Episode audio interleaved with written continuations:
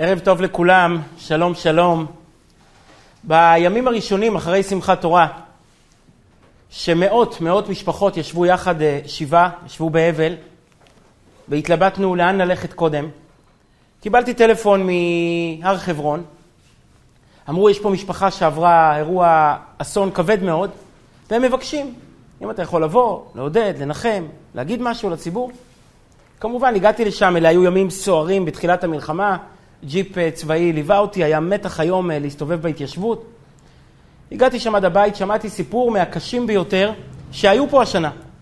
משפחה שארבעה מבניה היו שם במסיבה, ברעים. ארבעה בנים.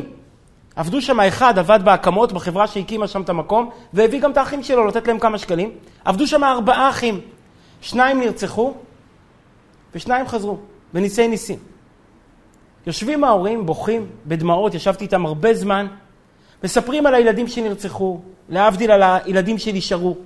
איך אח אחד שכב אה, תחת צמיחה באוטו, הסתתר כמה שעות כל הלילה, ושמע את הנשימות האחרונות של אח שלו מבחוץ גוסס, והוא לא יכול לצאת, להושיע אותו, במרחק לא גדול ממנו. יצאתי משם, כמובן, שבור וכאוב עד היסוד, לראות את הקטסטרופה מול העיניים, אבל היה לי גם איזה יצר הרע. משהו לא הבנתי. זוג הורים חרדים. הם באו מ... קודם הם גרו ביישוב ליטאי מהשמרנים ביותר בארץ. והם מספרים בדמעות על ארבעה ילדים שרקדו שם במסיבה, שניים שנרצחו, לרקוד שם במקום לרקוד עם ספר התורה, בשמחת תורה. איך אדם מכיל את הניגודים האלה בין שני העולמות הכי יקרים בחייו? התורה, הקדוש ברוך הוא והילדים. ואני מסתובב עם המחשבות האלה, הייתה נסיעה ארוכה הביתה עד שיצאתי משם, עד שהצבא בא וליווה אותי ולצאת, והגעתי חזרה לראשון, ואז פתאום תפסתי שהם שינו לי את החיים, שהם לימדו אותי שיעור שלא הייתי יכול ללמוד בדרך אחרת. הם בעצם צעקו לי בכל סיפור על הילדים, על המשפחה שהם הקימו, על הלכידות של הילדים, הדאגה של הילדים אחד לשני. הם צעקו לי, הילדים האלו מדהימים. הילדים האלו קדושים. הילדים האלו לא השתנו. אנחנו כהורים, כאנשים שמכירים אותם הכי טוב, שאי אפשר לפקפק ביראת שמיים שלנו ובאכפתיות שלנו לאהבת התורה. אנחנו אומרים לך, הם לא השתנו. גם אם ילד נמצא במצב של שברי לוחות, במצב שהוא לא עומד בדרגה הרוחנית שהוא צריך לעמוד בה, הוא נפל מהדרגה שלו. אבל המהות שלו, הוא ממשיך לחפש את אותו הדבר, הוא ממשיך להשתוקק אל אותו הדבר, גם אם הוא עובר מסלול שהוא מחפש במקומות אחרים, הוא חושב שהוא מחפש במקומות אחרים, אבל יושבים ההורים וצועקים, הילדים האלה הם קודש קודשים, הם לא השתנו. ואני רוצה לדבר היום על הנושא הזה, שהוא מהנושאים הקשים ביותר בחיים, מהניסיונות הכי גדולים שיהודי יכול לעמוד בהם, שלא נעמוד בניסיון הזה. אבל לפעמים אדם שואל את עצמו, מה נשאר בילד שלי? ילד כל כך התרחק, ילד כל כך עזב, ילד כל כך מורד, ואתה בא ושואל איך להתייחס אליו, מה נשאר בו בסופו של דבר? אנחנו רוצים לדבר היום על רש"י מופלא, רש"י שעוסק בנושא החשוב ביותר, הקדוש ביותר בעולמנו, הקדוש, הנעלה והנשגב ביותר בעולם, המבנה של ארון הברית. רש"י מתעקש לטעון שארון הברית שידר שני מסרים, לא רק את התורה, אלא גם את ישראל. ארון הברית, החלק התחתון שידר את התורה, את העדות, את הלוחות, ארון העדות. אבל החלק העליון שידר פנים של תינוק, או תינוק ותינוקת, כמו שנראה באברבנאל. למה רש"י מפרק את ארון הברית לשניים? כי רש"י רוצה לומר לך, בעולם יש שתי ישויות קדושות.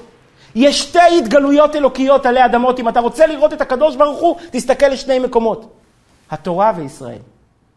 יש בעולם שתי התגלויות שמסמלות את הקדושה. התורה כמובן, אין צורך לומר תורת השם, חוכמתו של השם, ויהודי, עמו של השם.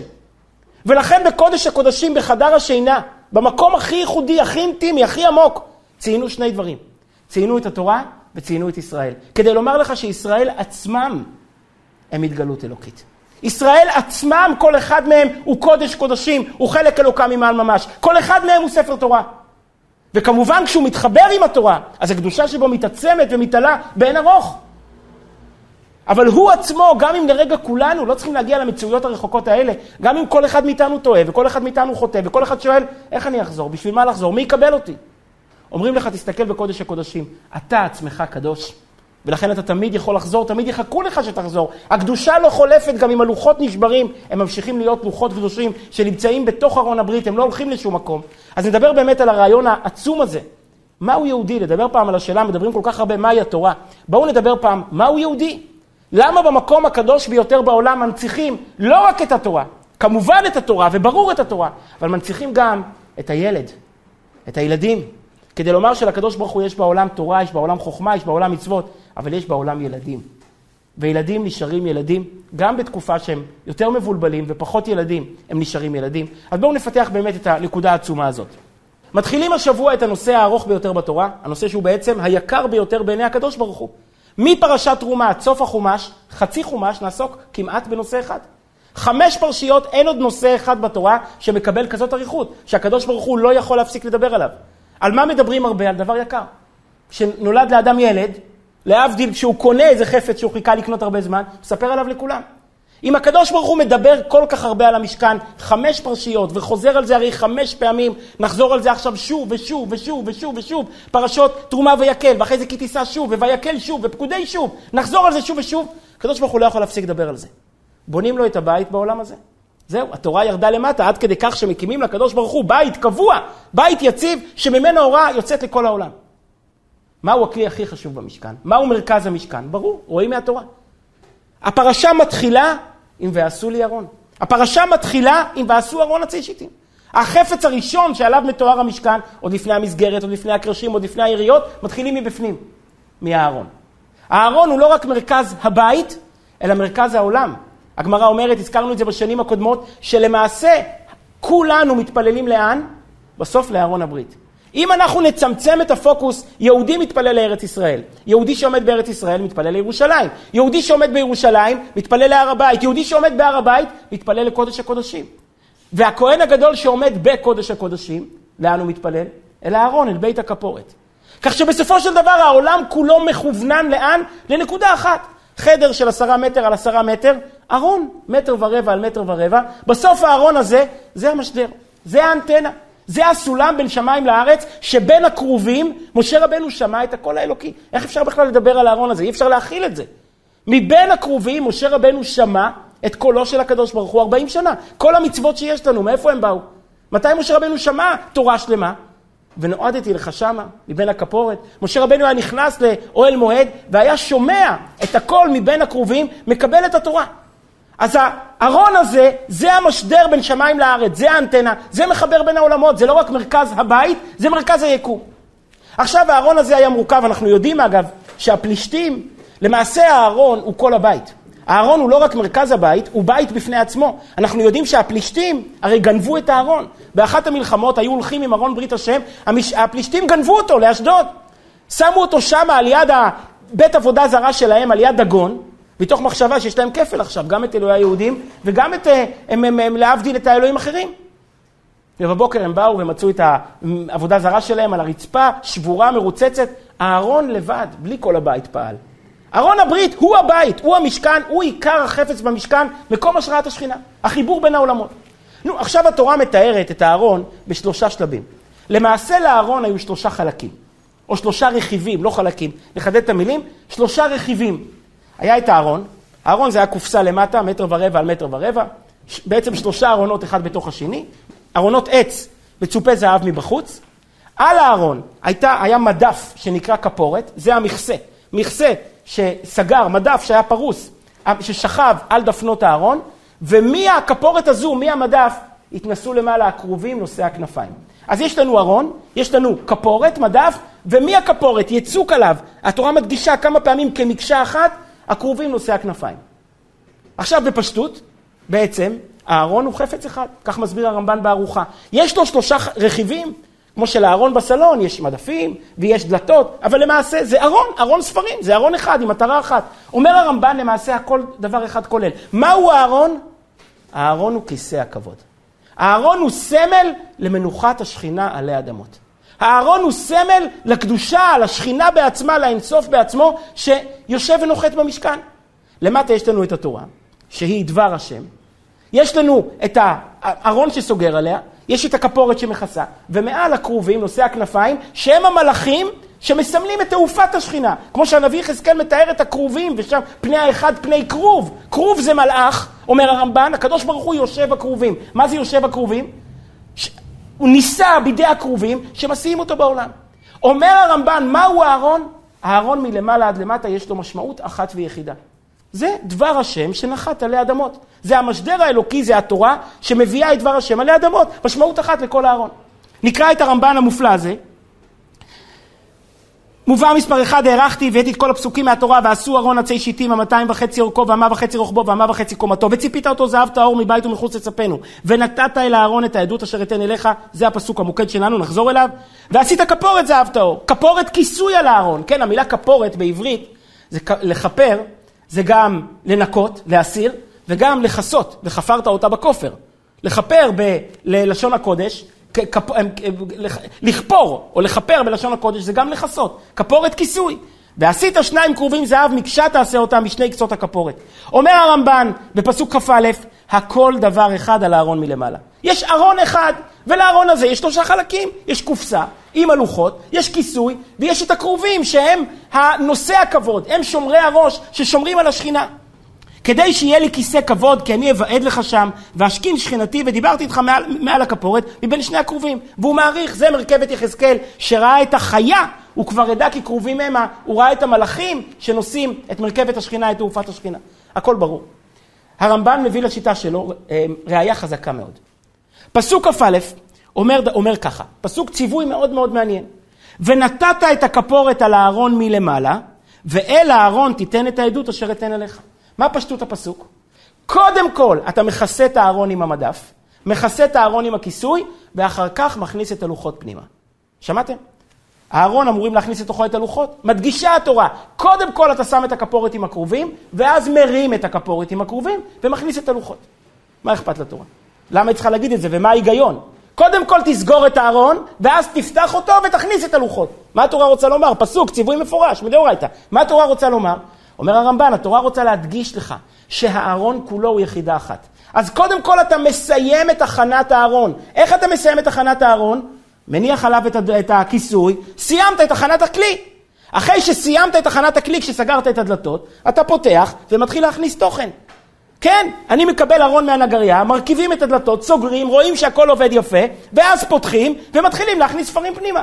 התורה מדגישה שאתה קודם מניח את הכיסוי כדי לחדד שהכיסוי והארון הם יחידה אחת. אז קודם כל אתה משלים את הארון שכולו כיסא הכבוד. כולו מקום מנוחת השכינה עלי אדמות, ובתוך, ואחר כך אתה פותח את הכיסוי ומכניס את התורה. אז לפי הרמב"ן הכל ברור. הכיסא, הארון הוא כיסא הכבוד, הוא יחידה אחת מלמעלה עד למטה, שמה משדרת? את התורה. את כל השם, השור...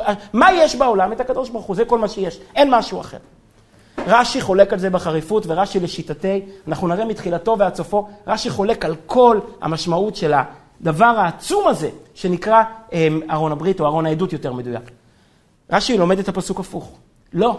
קודם כל אומר רש"י במפורש, אתה מכניס את הלוחות. אחר כך אתה מכסה את הארון. שוב, הרמב"ן אמר, קודם כל אתה סוגר ואז מכניס את הלוחות. רש"י אומר הפוך. קודם כל אתה מכניס את הלוחות, אחר כך מכסה. למה? כי אין שום קשר בין הכפורת לבין הארון. קודם כל, הארון נועד בשביל התורה. זה מטרה אחת בארון הזה, התורה. אז מה אתה עושה קודם כל? מכניס את התורה פנימה. סיימת עם הארון, ואז אתה ממשיך לחלק העליון, לכפורת עם הכרובים. רש"י סובר שהארון והכפורת הם שני דברים. אז מה זה קשור? מה פתאום לכסות את הארון? קודם כל אתה מכניס את התורה פנימה, סיימת עם החלק התחתון, סיימת עם החלק של התורה והארון, ואז אתה מכסה, עובר לחלק העליון, לכפורת עם הכרובים. רש"י מתעקש שהארון משדר שתי משמעויות, לא משמעות אחת. ואתה מסתכל על זה ואתה אומר, רש"י, מה יש עוד בעולם חוץ מהתורה? מה יש עוד בעולם חוץ מהקול האלוקי שמדבר על האדמות? למה במקום המקודש ביותר חשוב לך לברר? לא. לא רק התורה הייתה, היה הכפורת עם הכרובים. וכמעט אין קשר אפילו בין, בין הדברים. בואו נקרא את רש"י.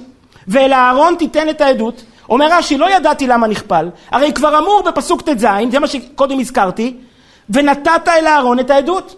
הרי קודם כשהתורה דיברה רק על הארון, היא עוד לא הזכירה את הכפורת בכלל. בחלק הראשון היא כבר אמרה להכניס את הלוחות פנימה. למה? הרי עוד לא דיברנו על הכפורת, למה? רוצה התורה לומר לך, קודם כל אתה מכניס את הלוחות פנימה, מסיים עם החלק התחתון. ואז אתה עובר לחלק העליון ושם את הכפורת עם הכרובים. ויש לומר שבא ללמד שבעודו אהרון לבדו, בלא כפורת, ייתן תחילה העדות בתוכו, ואחר כך ייתן הכפורת עליו. ואומר רש"י, כך מצינו בפועל. כשהוקם המשכן נאמר, וייתן את העדות על הארון, ואחר כך, וישם את הכפורת על הארון מלמעלה. אז חשוב לרש"י לחדד ולהבהיר שאין קשר בין החלק התחתון לחלק העליון. החלק התחתון אתה מכניס לתוכו את הלוחות, סיימת, ואז סוגר עם המכסה שהוא בעצם לא כל כך מכסה, אלא יותר בסיס לחלק העליון. הכפורת היא לא כל כך כיסוי על הארון, כמו שהיא בסיס לכרובים לחלק העליון, שהם משהו אחר. ואם תשאלו אותי, אז למה בפסוק כ"א אומרת התורה הפוך? איך הלשון? קודם את הכפורת ואחרי זה הארון? אז צריך לקרוא את זה, ונתת את הכפורת אחרי שכבר נתת את הארון, כמו ש... כמו... אחרי שנתת את העדות, כמו שציוויתי קודם. ומביא לזה רבי אליהו מזרחי, חיפשתי הרבה מקור חזק לרש"י, מצאתי, הרי הם, ממפרשי רש"י החשובים, אומר שים לב, זה כתוב בפסוק. בהתחלה כתוב, ונתת את הכפורת על הארון מלמעלה.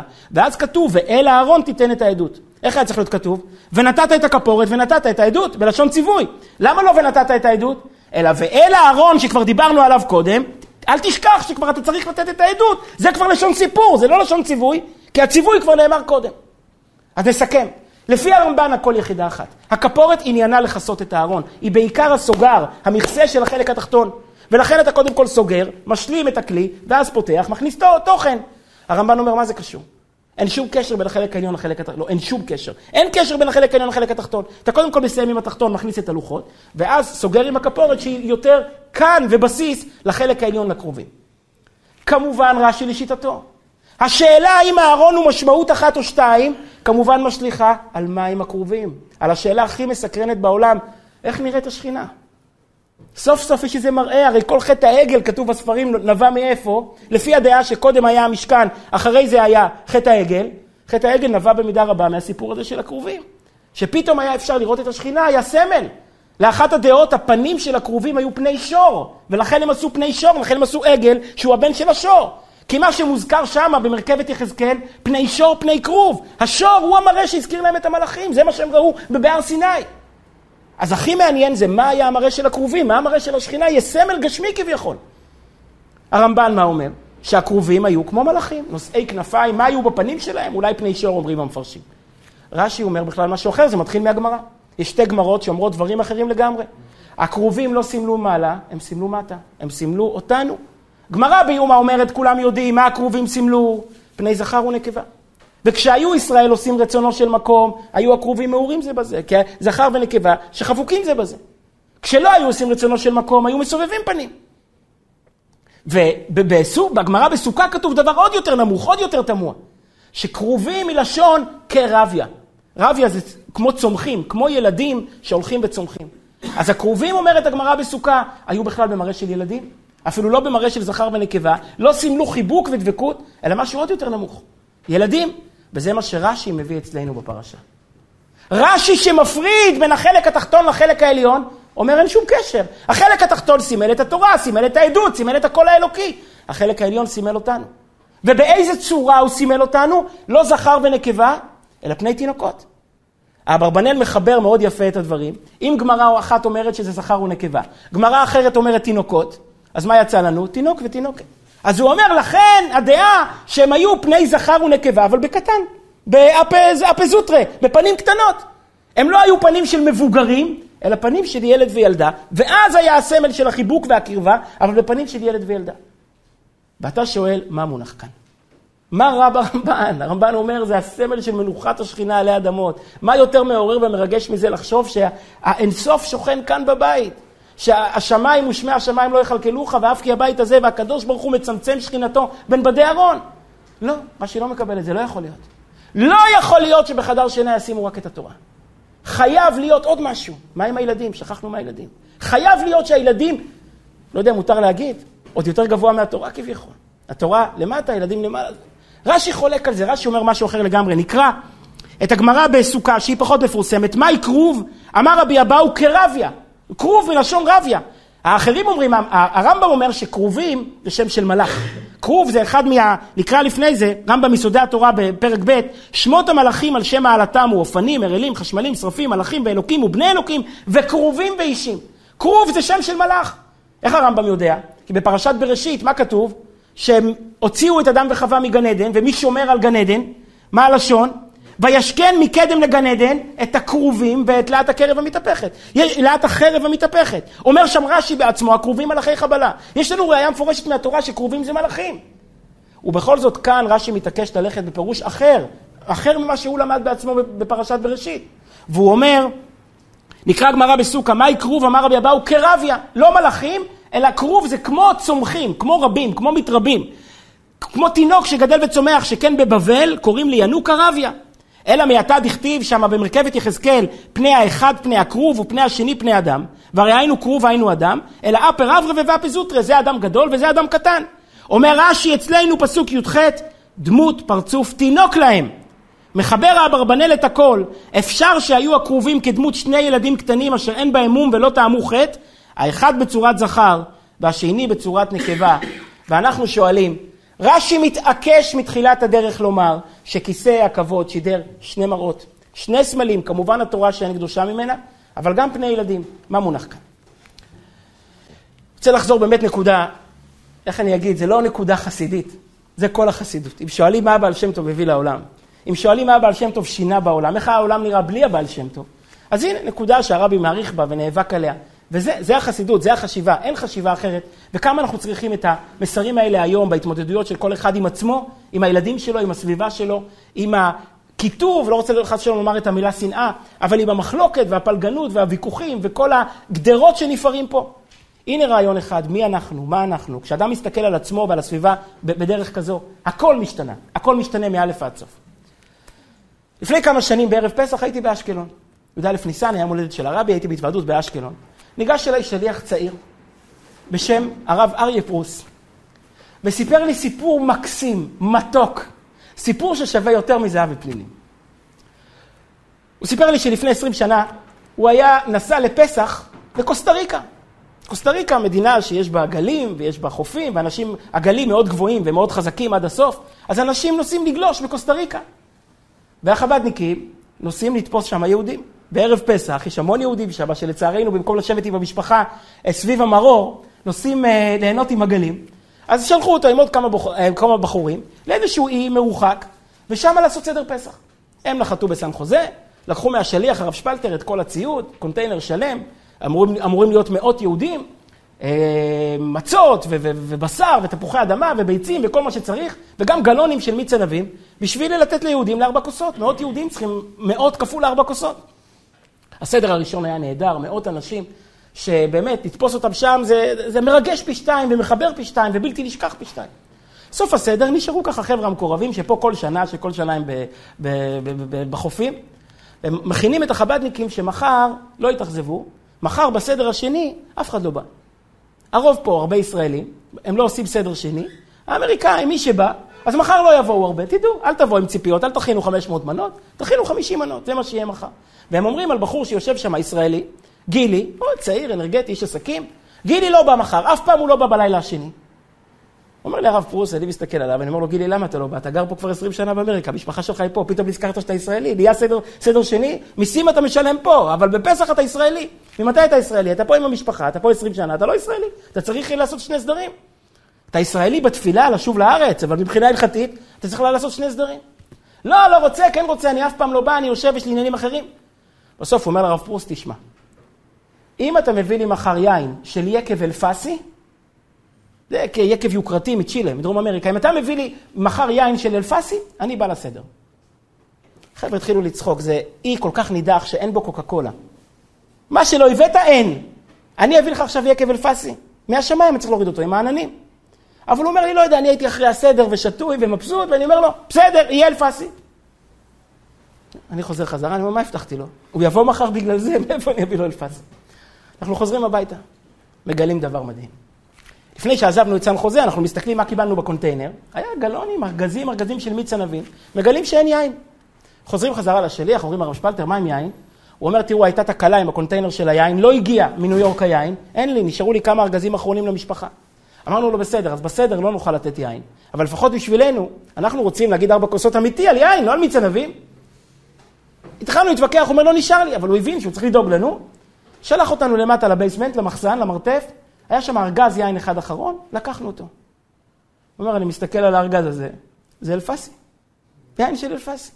הקדוש ברוך הוא היה חשוב לו שהיהודי הבודד הזה, אותו גילי, באי, בקוסטה ריקה, אם יש לעולם סוף, זה שמה, שהיהודי הזה יבוא לסדר שני, ויהיה מרוצה, יהיה מבסוט, קיבל מה שקיבל. אומר הרבי, הנקודה עצומה. בעולם יש שתי קדושות. בעולם יש שתי מהויות קדושות, יש שתי התגלויות אלוקיות עלי אדמות. יש שני מקומות שאתה מסתכל עליהם, אתה רואה את הקדוש ברוך הוא. כמובן את התורה, מה נעלה וקדוש מהתורה? אבל יש את יהודי. בראשית אומר רש"י, בשביל התורה שנקראת ראשית, ובשביל ישראל שנקראו ראשית. בשביל מה נכתבה התורה? בשביל מה נברא העולם? בשביל ישראל שנקראו ראשית. יהודי הוא חלק אלוקה ממעל ממש.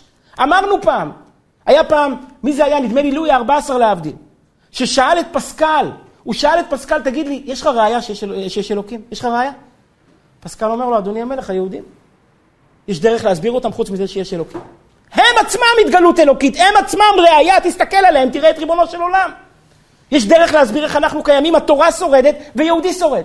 בעולם יש שתי התגלויות, יש שתי מהויות של אלוקות עלי אדמות, התורה וישראל, התורה ויהודי. כמובן, הקשר של היהודי אל הקדוש ברוך הוא נעשה דרך התורה. התורה מגלה את הקשר, מחברת את האיברים, מחברת את החיים, מחברת כל מימד בנפשו ובחייו אל הקדוש ברוך הוא.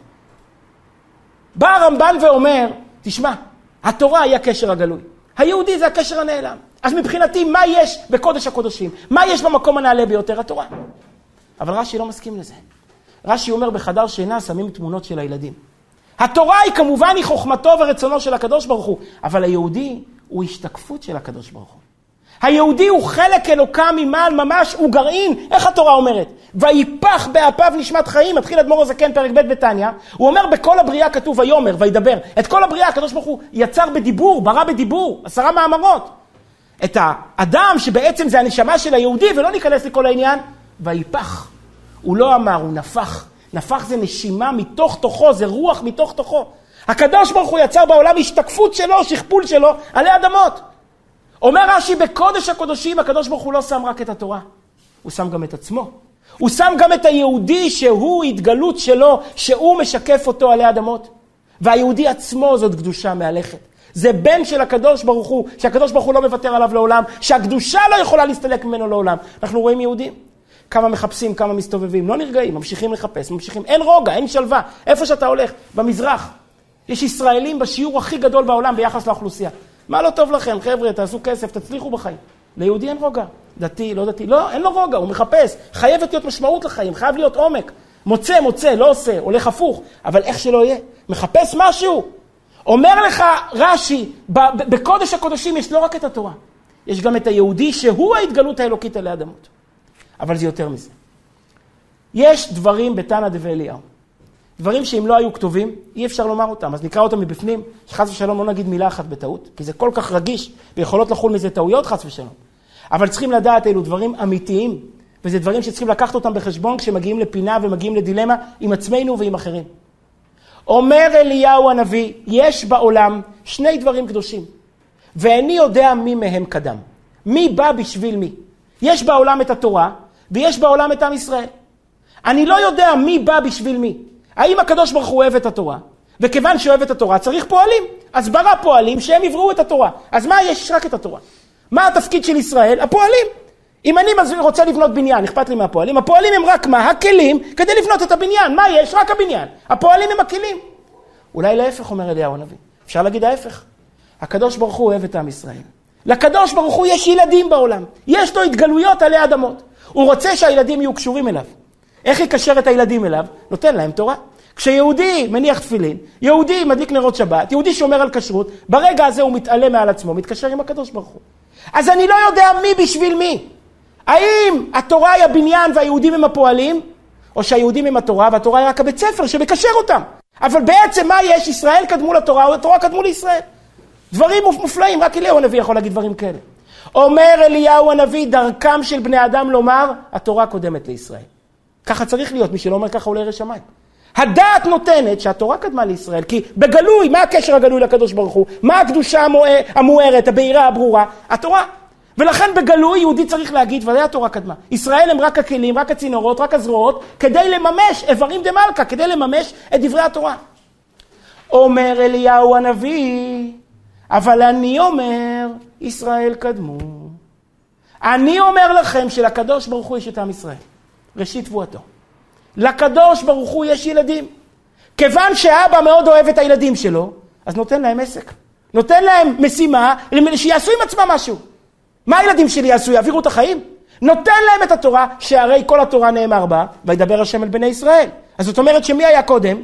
התורה הרי מדברת אל בני ישראל. זאת אומרת שקודם היה בני ישראל, והתורה נכתבה כדי לרומם את בני ישראל. עכשיו זאת שאלה מדהימה, אקוטית, אי אפשר, שני הצדדים לא יכולים לצדוק ביחד. כי אם אתה אומר שישראל הם העיקר, אז זאת אומרת שישראל קדושים בפני עצמם. התורה מעצימה את הקדושה, מרחיבה את הקדושה, הופכת את הקדושה לגלויה.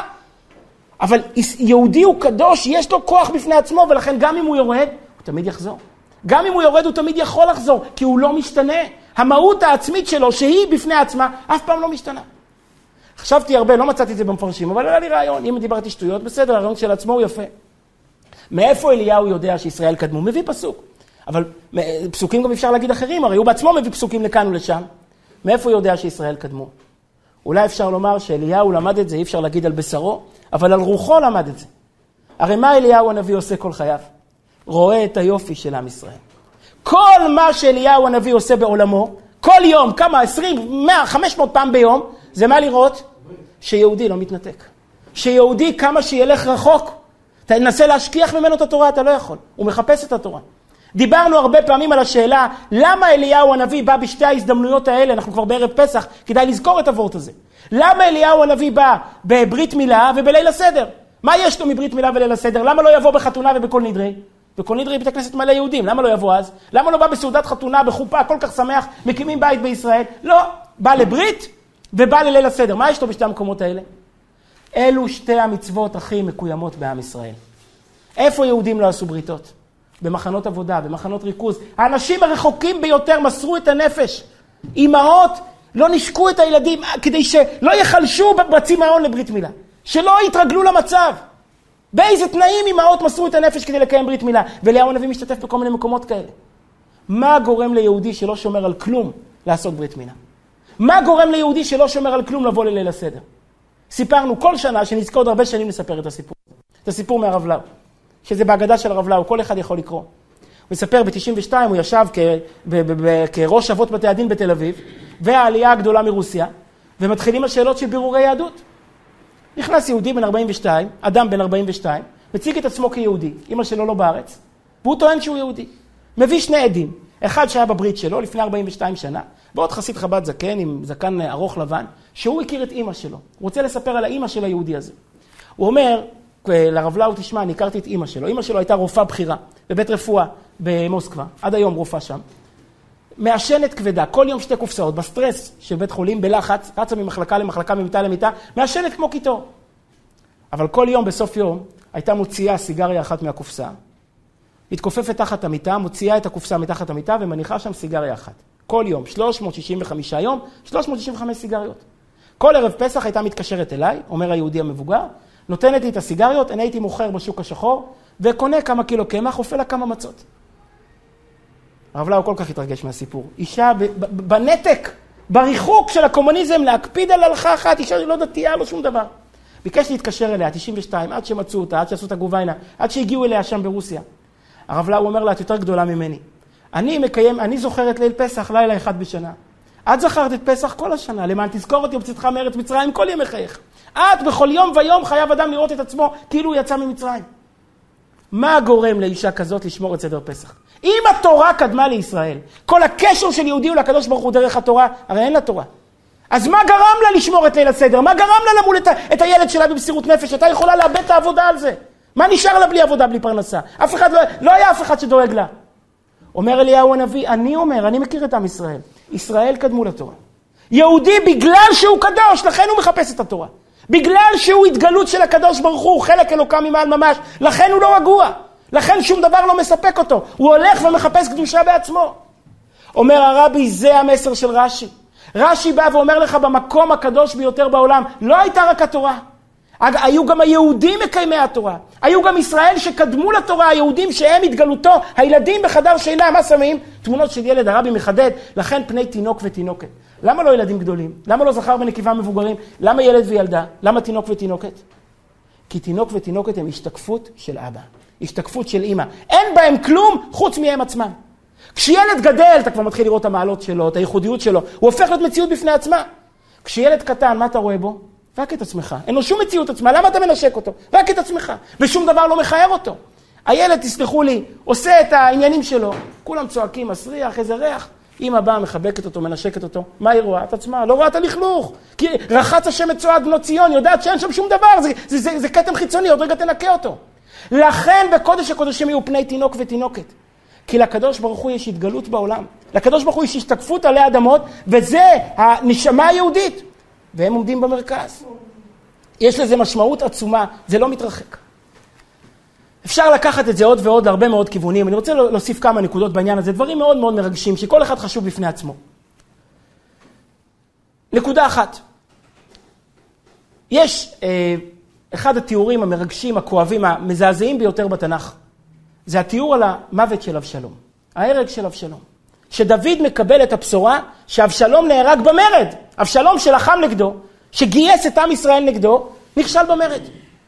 לכאורה חוששים איך לספר לו את זה, דוד אמור לשמוח, נכון? מה אבשלום? אבשלום חטא בחטא שאין עליו מחילה. יותר נמוך ממה שאבשלום ירד, אי אפשר לרדת עלי אדמות. הקים צבא נגד אבא שלו. אבא שלו ברח מירושלים, מירושלים שהוא כבש אותה, ברח מירושלים בגלל הבן. אי אפשר לחזור. הוא מחלל את נשות אביו לעיני כל ישראל, כדי שכולם יראו והיה כמלך חדש של ישראל. שיראו שיש מלך חדש, שדוד לא קיים. כל זה מבנו יוצא חלציו. סוף סוף אבל הגיע יום פקודה, והוא רוכב על הפרידה, והשיער שלו נתפס בעץ האלון, והפרידה ממשיכה לרוץ, והוא נתפס עם השיער שלו, ככה נתלה על הענפים. ומוצאים אותו שם, ויורים בו את החיצים והורגים אותו. ובאים לבשר לדוד שבנו נהרג. לכאורה דוד צריך להירגע. הפוטש נגמר, האויב נהרג, האויב חוסל. דוד פורץ בבכיות ואומר שבע, שמונה פעמים, יש בגמרא, בני, בני אבשלום, ייתן מותי תחתיך, אבשלום, בני, בני. שמונה פעמים הוא אומר, בני, אבשלום, אבשלום, בני. בבכיות נוראות, בני, בני, אבשלום, אבשלום, בני, בני. מה זה השמונה תיאורים האלה? דוד מנסה לקלף את כל השכבות. הוא מנסה להגיע לאותה נקודה פנימית, שאבשלום הוא בן שלו. בין אבא לבן יש כמה שכבות. אבא רוצה שבן יצליח, אבא רוצה שבן ישגשג. אתה רואה את הבן כדמות בפני עצמה, שהיא לא רק בן שלך, שהיא גם אישיות עצמאית. אבל ברגע הנורא הזה, כל השכבות צרו, כל הקליפות צרו, ודוד מקלף, בני, בני, בני, הוא מנסה לחפור, להגיע עד הנקודה הזאת, שמהו אבשלום? פני תינוק ותינוקת. אבשלום הוא ילד, הוא תינוק שלו, שכל מה שיש זה הדמיון לדוד, ולכן הפוץ הזה. דווקא בגלל שהוא דומה לדוד, יש בו את הטבע המלוכני, את האמביציות המלוכניות, שום דבר לא מרגיע אותו. זה בקודש הקודשים. בקודש הקודשים אנחנו שמים פני תינוק ותינוקת, את עם ישראל כמו שהוא, מתחת לכל השכבות, מתחת לכל הכיסויים. אתה חופר פנימה, מה אתה רואה בסוף? בסוף אתה רואה בן של אברהם, יצחק ויעקב. הוא מבטא את זה, ככה הוא מבטא את זה, אחרת כל אחד עם הבלבולים, עם התסביכים, עם כל מה שאנחנו עוברים בחיים, עם כל הבעיות הרגשיות שאנחנו עוברים בחיים. כל אחד מחפש בדרכו שלו. אבל למעשה מתחת לכל השכבות מה יש? יש נקודה אחת. יש את הנקודה הזו של בן, תינוק ותינוקת, שהוא דומה לאבא, שהוא השתקפות של אבא, שהוא התגלות של אבא. הרבי פעם בשיחה, לפני 40 שנה בדיוק, בשמחת תורה תשמ"ד, זו הייתה שיחה בבכיות נוראות, אני הייתי ילד קטן, לא זכיתי להיות שם. אבל עד היום בחב"ד זה נשאר כסמל, כדמות, כל מי שהיה שם לא שכח את זה אף פעם. הרבי בבחיות נוראות דיבר על המילים האחרונות שבהם התורה נפרדת ממשה רבינו. הפרידה ממשה רבינו, המילים האחרונות בתורה. ולכל היד החזקה ולכל האותות אשר עשה משה לעיני כל ישראל. אומר שם רש"י, מה זה לעיני כל ישראל? על איזה מאורע מדברים לעיני כל, לעיני כל ישראל? כך מסיים רש"י את פירושו הגדול על התורה. אומר הקדוש ברוך הוא למשה, על מה אני מודה לך, עם מה אני נפרד ממך? על המאורע ששברת את הלוחות לעיני כל ישראל. זה מה שהקדוש ברוך הוא זוכר למשה, ברגע הפרידה זוכרים רק רגע אחד מכל החיים. זה הרגע של החיים. מה אני זוכר לך מ-40 שנה של הנהגה? את הרגע ששברת את הלוחות לעיני ישראל, והקדוש ברוך הוא אמר לו, יישר כוחך ששיברת. הקדוש ברוך הוא הצדיק אותו על השבירה הזאת. כל אחד שואל. זה הפרידה ממשה רבנו. זה רגע השיא של משה רבנו, שהוא שובר את הלוחות. זה מה שהקדוש ברוך הוא זוכר לו, ששברת את הלוחות ואמרתי לך, יישר כוחך ששיברת, הצדקתי אותך בדיעבד. מה הולך פה? אומר הרבי, יישר בר... ברגע הגדול של החיים שלו. משה רבנו מנציח את עם ישראל. משה רבינו אומר לקדוש ברוך הוא, אי אפשר לשבור את ה... אי אפשר להשאיר את הלוחות ולשבור את ישראל. ברגע האמת של החיים, משה רבינו ברגע האמת של חייו, בעצם מה אומר לקדוש ברוך הוא? אם צריכים לשבור, אז צריכים לשבור כביכול את הלוחות בשביל לשמור את עם ישראל, כי התורה נועדה בשביל ישראל, ולא להחליף את ישראל. התורה נועדה להיות בית ספר שיחנך את עם ישראל, ולא לשבור את עם ישראל, לא להחליף את עם ישראל. ו- וכמה שזה גדול. למשה רבנו בחייו היו שתי משימות. משה רבנו, תורה ציווה לנו משה להוריד את התורה למטה, והיה לו להביא את עם ישראל אל הארץ, להקים את עם ישראל. מגיע רגע ששתי השליחויות האלה לא יכולות לחיות ביחד. מגיע רגע שמשה רבנו צריך להחליט, התורה או עם ישראל. אני משאיר את הלוחות, מוריד את התורה למטה, ומכלה את עם ישראל. למה? כמו שאומר רש"י, כי מה הם הלוחות? הלוחות זה שטר הכתובה, שטר האירוסין. אם אני מוריד למטה את הלוחות, אני מנציח את הבגידה של עם ישראל בקדוש ברוך הוא, והבוגד, עונשו מוות, הם לא יכולים להמשיך. ברגע האמת של חייו, משה שואל, מה העיקר? ישראל קדמו לתורה או התורה קודמה לישראל? מה נועד בשביל מה? ומשה רבינו בהחלטה של רגע אוהבן של ישראל, שובר את הלוחות ואומר הלוחות נועדו בשביל עם ישראל, לא בשביל להחליף את עם ישראל. ומתחיל מחדש לחנך את עם ישראל כדי להחזיר אותם במסע אל הלוחות השניות. ברגע האמת הקדוש ברוך הוא כביכול אומר לו, כביכול, כביכול, זה מה שאני זוכר לך. יותר מאשר אתה, משה רבינו, שנתת את התורה, אתה, משה רבינו, אוהבן של ישראל. אתה, משה רבינו, שזכר, שהנציח עלי אדמות, שישראל קדמו לתורה. שהתורה צריכה לרומם את עם ישראל. אבל היהודי בעצמו, גם אם הוא כשל, גם אם הוא נפל, הוא לא מפסיק להיות יהודי, הוא לא פחות יהודי. הקדושה העצמית שלו נשמרת, גם אם הוא בגדר שברי לוחות, גם אם הקדושה שלו היא לא שלמה, גם אם היא זמנית. אני רוצה לומר עוד שני רעיונות. כל אחד מהם הוא יותר מדהים ויותר מיוחד, בעיקר השני, אבל הראשון אני רוצה באמת גם כן הוא רעיון עצום בפני עצמו. הרבה פעמים דיברנו בפרשת תולדות, אני לא, לא זוכר אם את שני הרעיונות האלה אמרנו פה פעם. פרשת תולדות יש את השאלה הידועה שכל אחד שואל ומכיר, ולא צריך להכיר, כל אחד שואל בפני עצמו, מה רבקה עושה? מה רבקה רוצה? למה היא שולחת את יעקב בבגדי עשיו לקבל את הברכות? למה היא מרמה את בעלה? אם היא חושבת שליעקב אבינו מגיעות הברכות, הרי רבקה לא הייתה גנבת.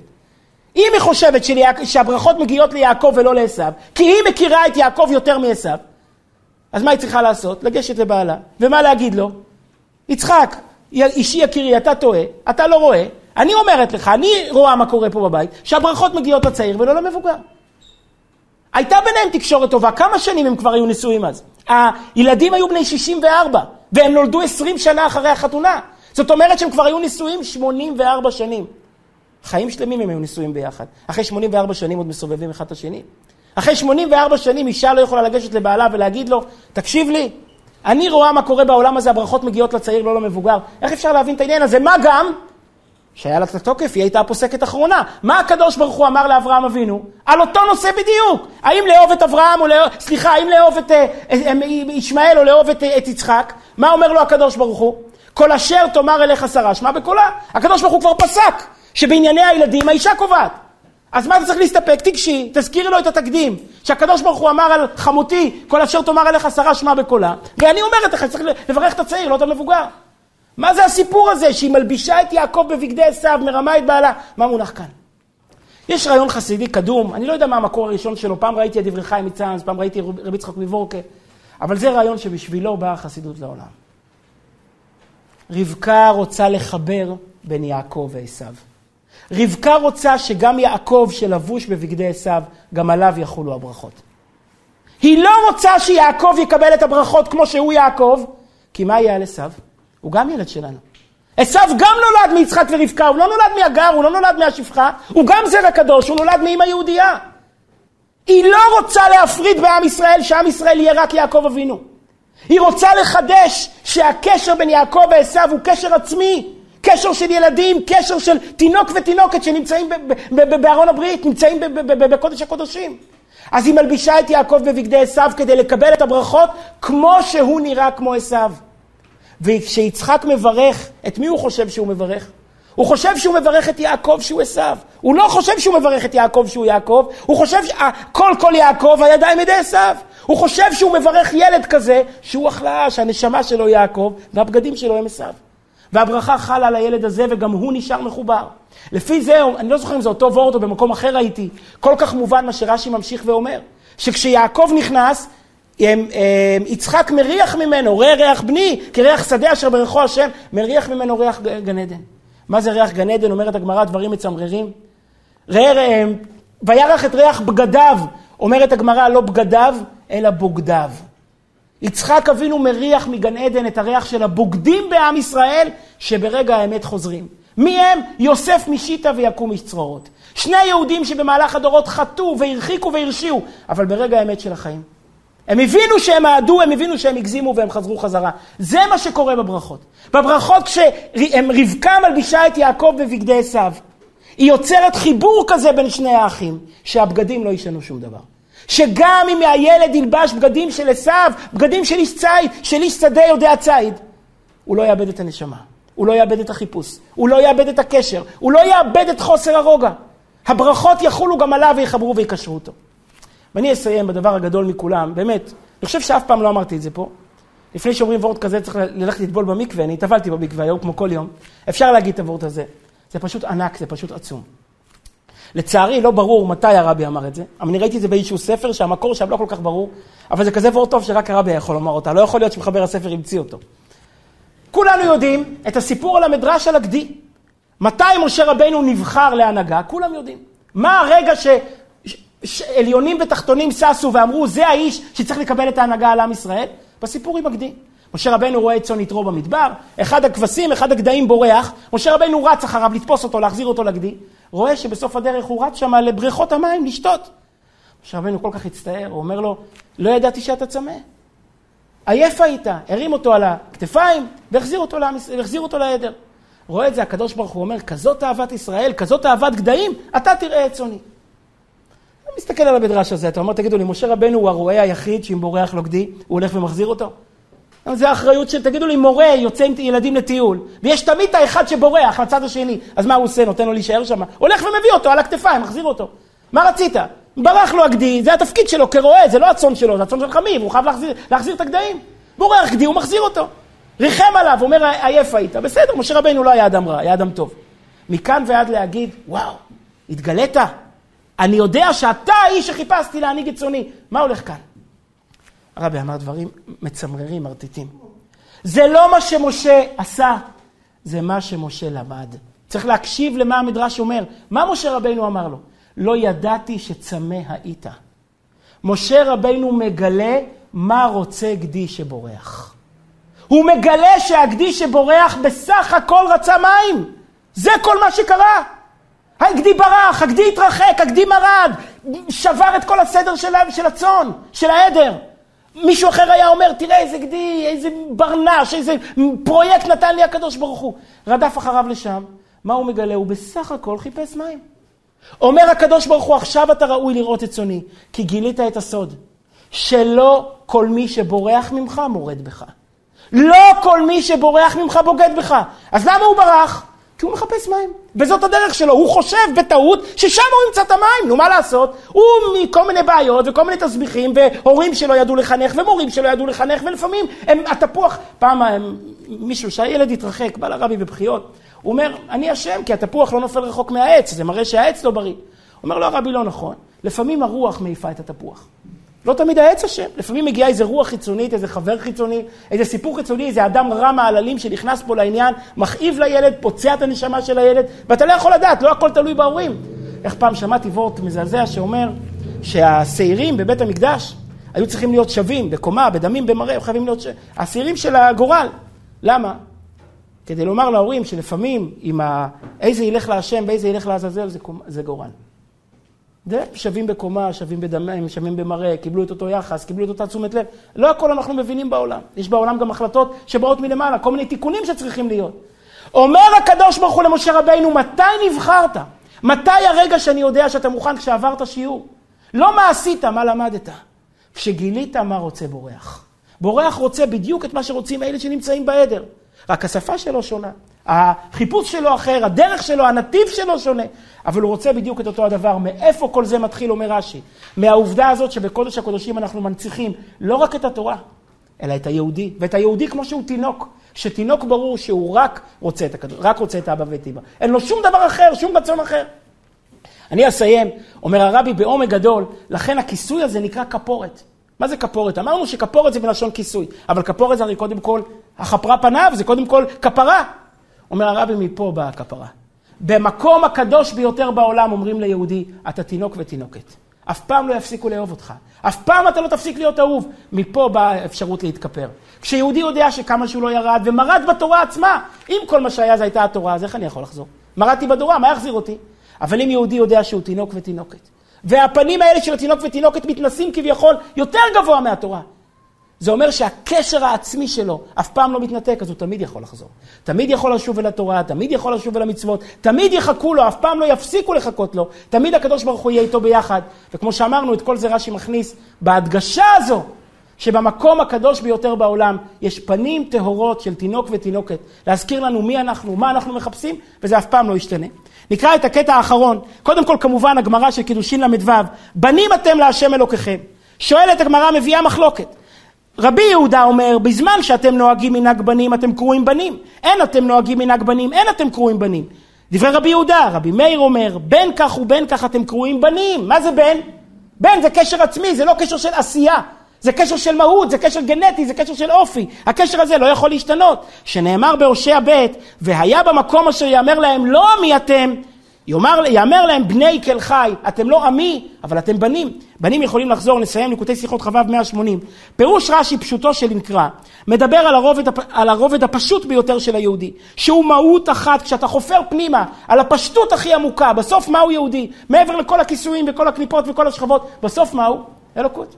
בסוף מה? הוא בן של אברהם, יצחק ויעקב. ולכן שהוא מהות אחת עם עצמות אלוק, האלוקית.